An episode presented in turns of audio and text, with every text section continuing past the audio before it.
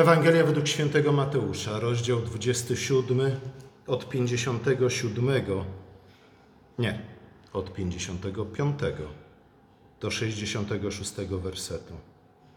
Była, było, było tam również wiele kobiet, które przyglądały się temu z daleka. Przybyły z Jezusem z Galilei, aby mu usługiwać. Wśród nich była Maria Magdalena, Maria matka Jakuba i Józefa oraz matka synów Zebedeusza. Wieczorem przyszedł bogaty człowiek z Arymatei imieniem Józef, który był też uczniem Jezu, Jezusa. Poszedł do Piłata i poprosił o ciało Jezusa. Piłat rozkazał mu je wydać. Józef wziął ciało, owinął w czyste lniane płótno i złożył w swoim nowym grobowcu, wykutym w skale. Zatoczył przed wejściem do grobowca wielki kamień i odszedł. A Maria Magdalena i druga Maria pozostały tam i siedziały naprzeciw grobu. Następnego dnia, czyli po dniu przy, przygotowania, zebrali się u Piłata wyżsi kapłani i faryzeusze i powiedzieli: Panie, przypomnieliśmy sobie, że ten złodziej, że ten zwodziciel jeszcze za życia mówił: Po trzech dniach zmartwychwstanę. Rozkaż więc, aby pilnowano grobu aż do dnia trzeciego, żeby czasem jego uczniowie nie przyszli i nie wykradli go i nie rozpowiadali, że powstał z martwych. I ostatnie oszustwo byłoby gorsze od pierwszego. Piłat im odpowiedział: Weźcie straże i idźcie zabezpieczyć grób, jak umiecie. Oni więc poszli i zabezpieczyli grób, opieczętowali kamień i postawili straże. Oto Słowo Boże. Dla zrozumienia tego wszystkiego, co dzieje się w dniu ukrzyżowania Chrystusa, ale nie tylko, pomaga oczywiście Psalm 22. Psalm ten zaczyna się od pytania, czy też odwołania, od lamentu: Boże mój, Boże mój, dlaczego mnie opuściłeś? Ale kończy się całkiem inną nutą. Kończy się słowami: Będzie głosić Jego sprawiedliwość. Opowie ludowi, który się narodzi, że Pan to uczynił. Dawid rozpoczyna w osamotnieniu.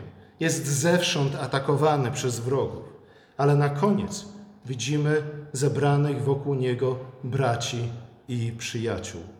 W swoim cierpieniu, jak czytamy w psalmie, Dawid jest otoczony przez dzikie bestie. Wtedy modli się o uwolnienie od tych bestii i przywrócenie do wspólnoty swoich braci. Bóg odpowiada i Dawida otacza już inny tłum. Tłum ludzi bojących się Pana, nasienie Jakuba. Psalm zaczyna się zatem krzykiem rozpaczy i udręki, ale prowadzi nas do słów pełnych nadziei i zwycięstwa. Podobnie dzieje się z Jezusem. Podczas swojej męki Jezus również jest otoczony przez wściekłe bestie, przez wściekłych przywódców żydowskich, przez tłum wybierających Barabasza i domagający się krzyża dla Jezusa, a jego krwi na swoje głowy i głowy swoich dzieci. Jest otoczony przez szy, szydzących z niego i poniżających go żołdaków, przez wrzaski, dziki bełkot i drwiny.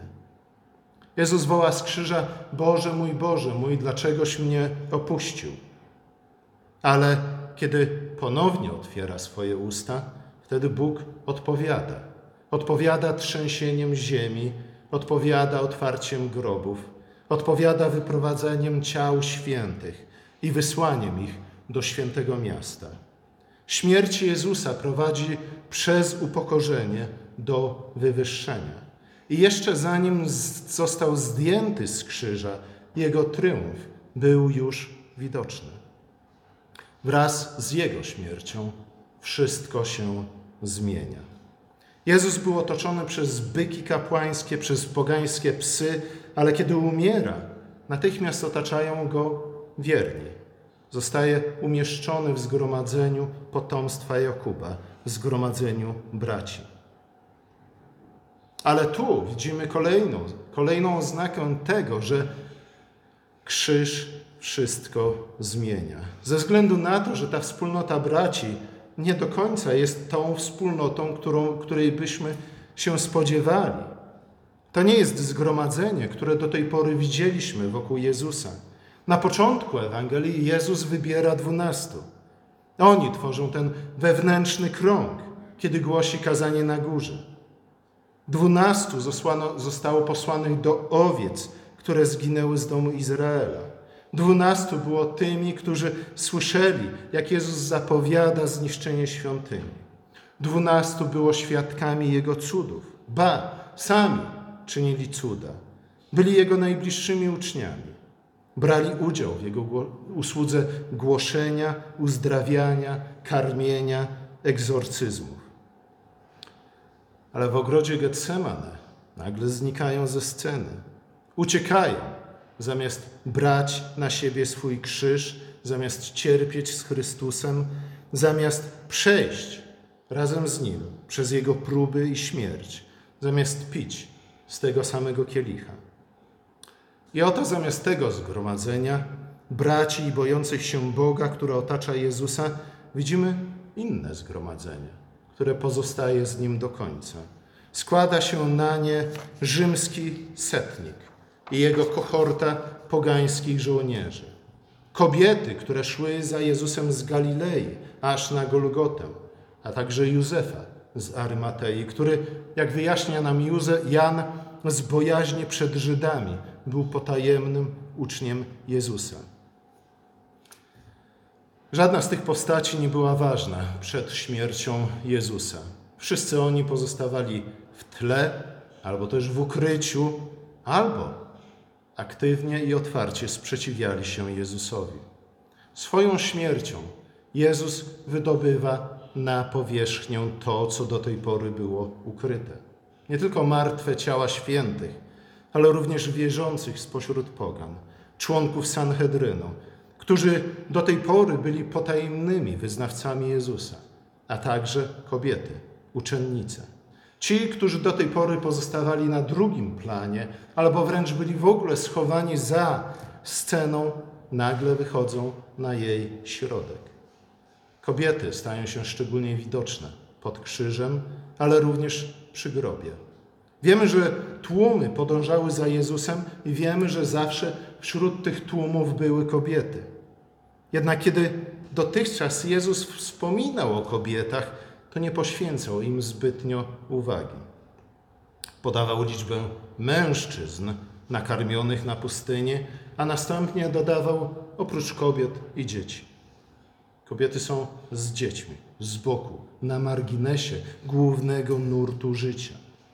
W wewnętrznym kręgu jest dwunastu, później pięć tysięcy mężczyzn, potem cztery tysiące mężczyzn i gdzieś tam z boku kobiety z dziećmi. Chociaż do tej pory te kobiety pozostawały niemal niewidoczne, to jednak to one właśnie robiły to, co należało do uczniów Jezusa. Nie tylko podążały za nim z Galilei na samą Golgotę, Poszły zatem o wiele dalej niż uczyniło to dwunastu. Po pogrzebie Jezusa nadal idą za nim. Nadal są jego naśladowcami. Siedzą naprzeciw grobu, a następnego dnia po szabacie to one jako pierwsze przychodzą do grobu, aby tam usłyszeć od anioła, że ich Pan zmartwychwstał. Przechodzą przez całą jego mękę razem z nim a kiedy podążają za Jezusem, zawsze mu służą. Jest wśród nich między innymi matka synów Zebedeusza. Gdy po raz pierwszy spotkaliśmy tę matkę w Ewangelii, przyszła ona do Jezusa prosić, aby zapewnił jej synom te czołowe stanowiska w Jego królestwie. I wtedy Jezus zapowiedział, że dobrze, pod warunkiem, że będą pić z tego samego kielicha, z którego On wypije, pod warunkiem, że zawisną razem z Nim na krzyżach po prawej i lewej stronie. Jeśli chcą być wielcy w Królestwie Bożym, nie mogą być panami, ale muszą stać się sługami. Niestety synów, o synach Zebedeusza Mateusz nie wspomina, ale ich matka jest pośród kobiet, które uczyniły to, do czego wzywał Jezus wszystkich swoich uczniów, które służyły Mu do samego końca. Nawet wcześniej, informacje, które znajdujemy o kobietach, również te, które wydają się na pierwszy rzut oka umniejszać ich rolę, są w istocie jak najbardziej pochlebne. Najpierw kobiety są prawie niewidoczne, pozostają w tle z dziećmi, ale Jezus mówi uczniom, że mają stać się właśnie jak dzieci. Stawia dziecko przed uczniami i mówi: Jeśli się nie zmienicie, jeśli nie staniecie się jak dzieci, jeśli nie, to nie wejdziecie do Królestwa Niebieskiego. Kto stanie się tak mały jak dziecko, ten będzie największy w Królestwie Niebieskim.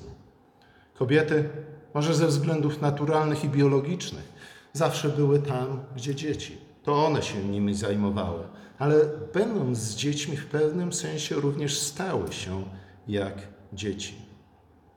Kobiety są tam, gdzie powinni być wszyscy uczniowie Jezusa. Nie arogancko, pchając się na piedestał, ale służąc z pokorą.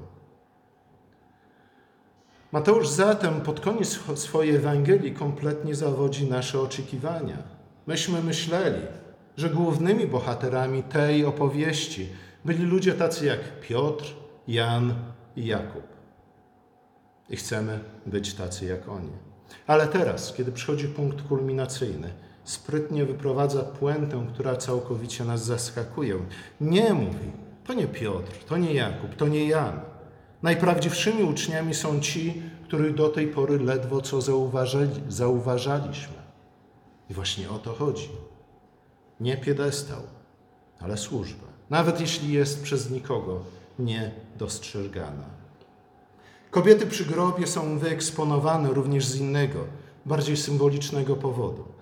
Dwie kobiety, które widzimy pod krzyżem, a potem przy grobie Jezusa, noszą imię Maria.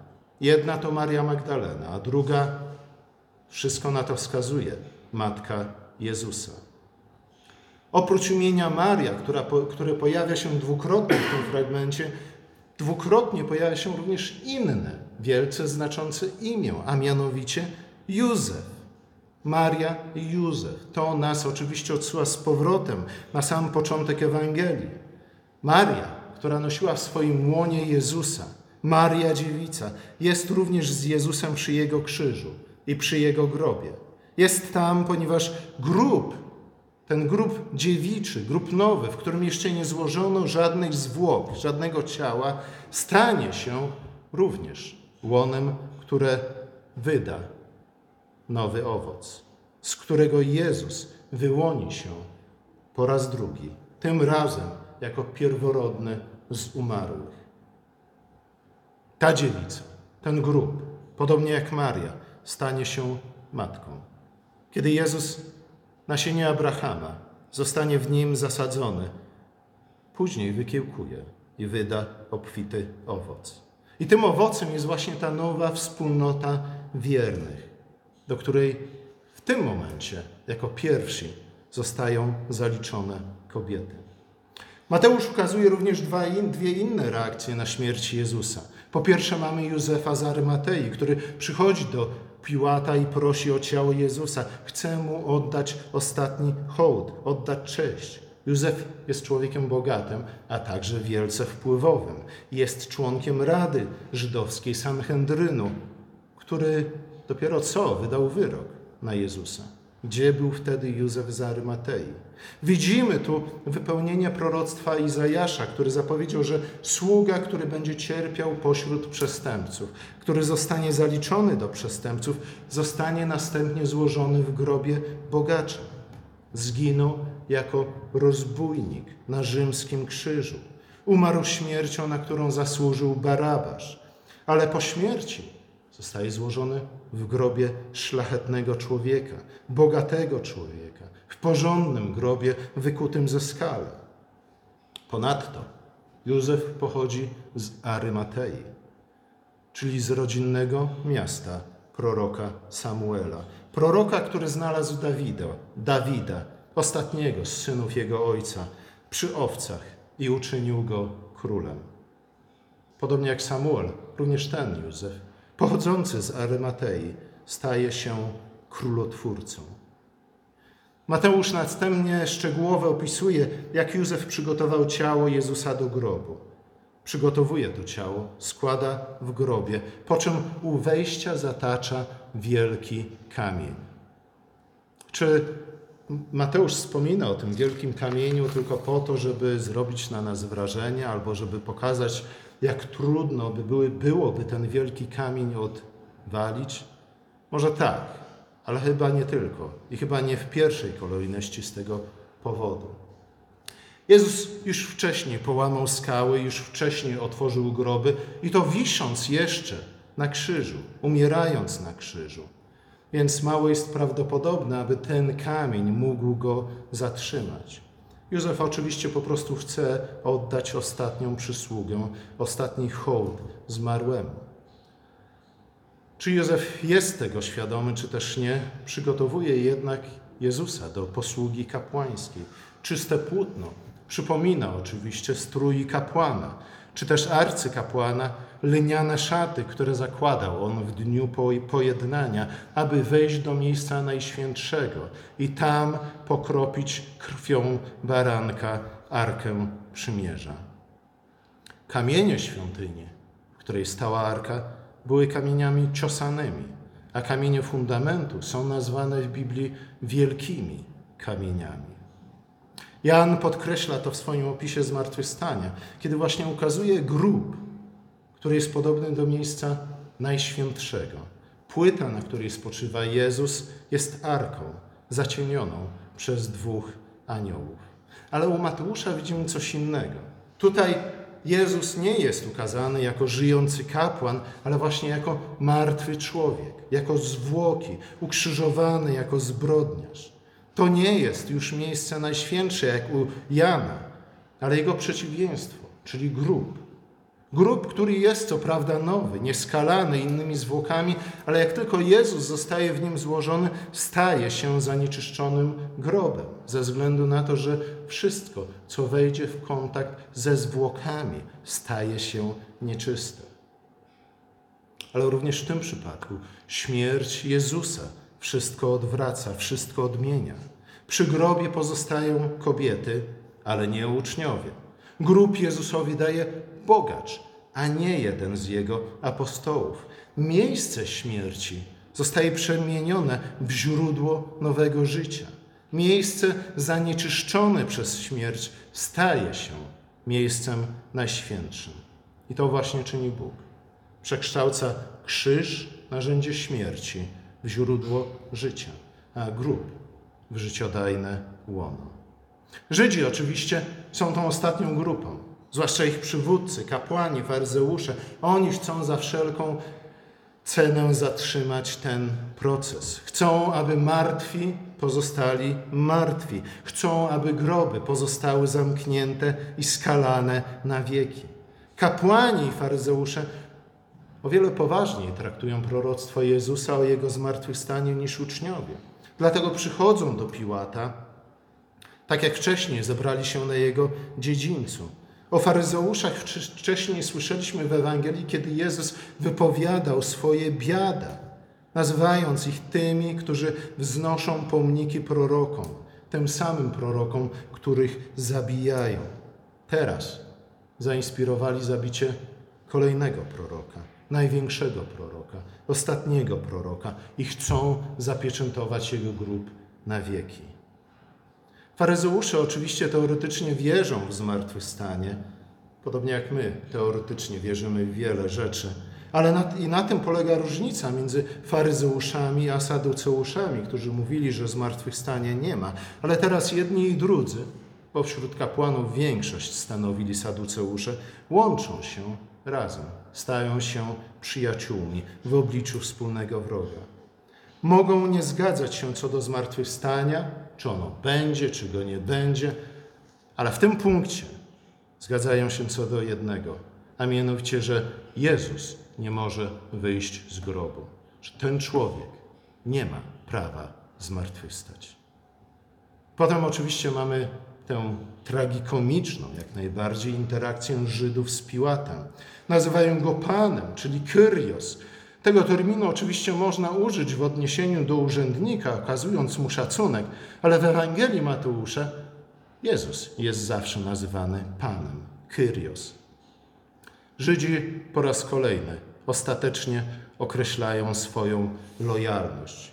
Mają Pana, ale nie jest nim Jezus, lecz Cezar. I teraz chcą, żeby Piłat zapieczętował grób i zapobiegł kradzieży ciała. Oczywiście my wiemy, że na nic się to nie przyda. Nikt nie jest w stanie powstrzymać Chrystusa w grobie. Wobec takiej siły Piłat jest oczywiście całkowicie bezsilny. Może zapieczętować grób, może umieścić przy nim wszystkich swoich strażników, ale wejście do grobu i tak stanie się wyjściem. Żydzi polegają tutaj na rzymskiej sile, na sile swoich okupantów, po to, aby utrzymać Jezusa w pętach śmierci. To jednak nie zadziała. Piłat nie jest bowiem panem umarłych. Ludzie mogą zabijać, mogą urządzać pogrzeby. Na śmierć możemy reagować na wiele różnych sposobów. Mateusz pokazuje nam w tym fragmencie trzy różne reakcje na śmierć Jezusa. Mamy z jednej strony kobiety czekające do końca, ale nie wiadomo za bardzo na co. Mamy Józefa, który oddaje Jezusowi ostatnie honory. Mamy Żydów, którzy chcą się upewnić, że Jezus na zawsze pozostanie w grobie.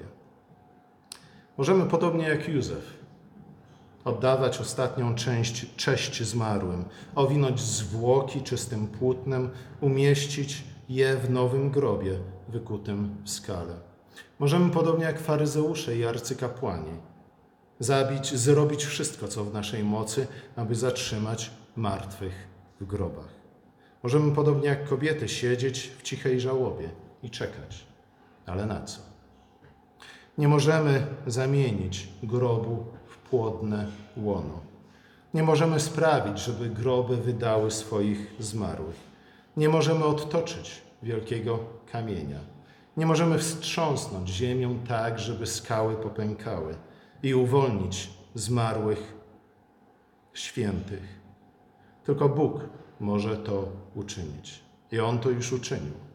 Jezus, Bóg człowiek, stanął przed sądem, cierpiał, umarł na krzyżu, został złożony w grobie, stąpił do Szeolu.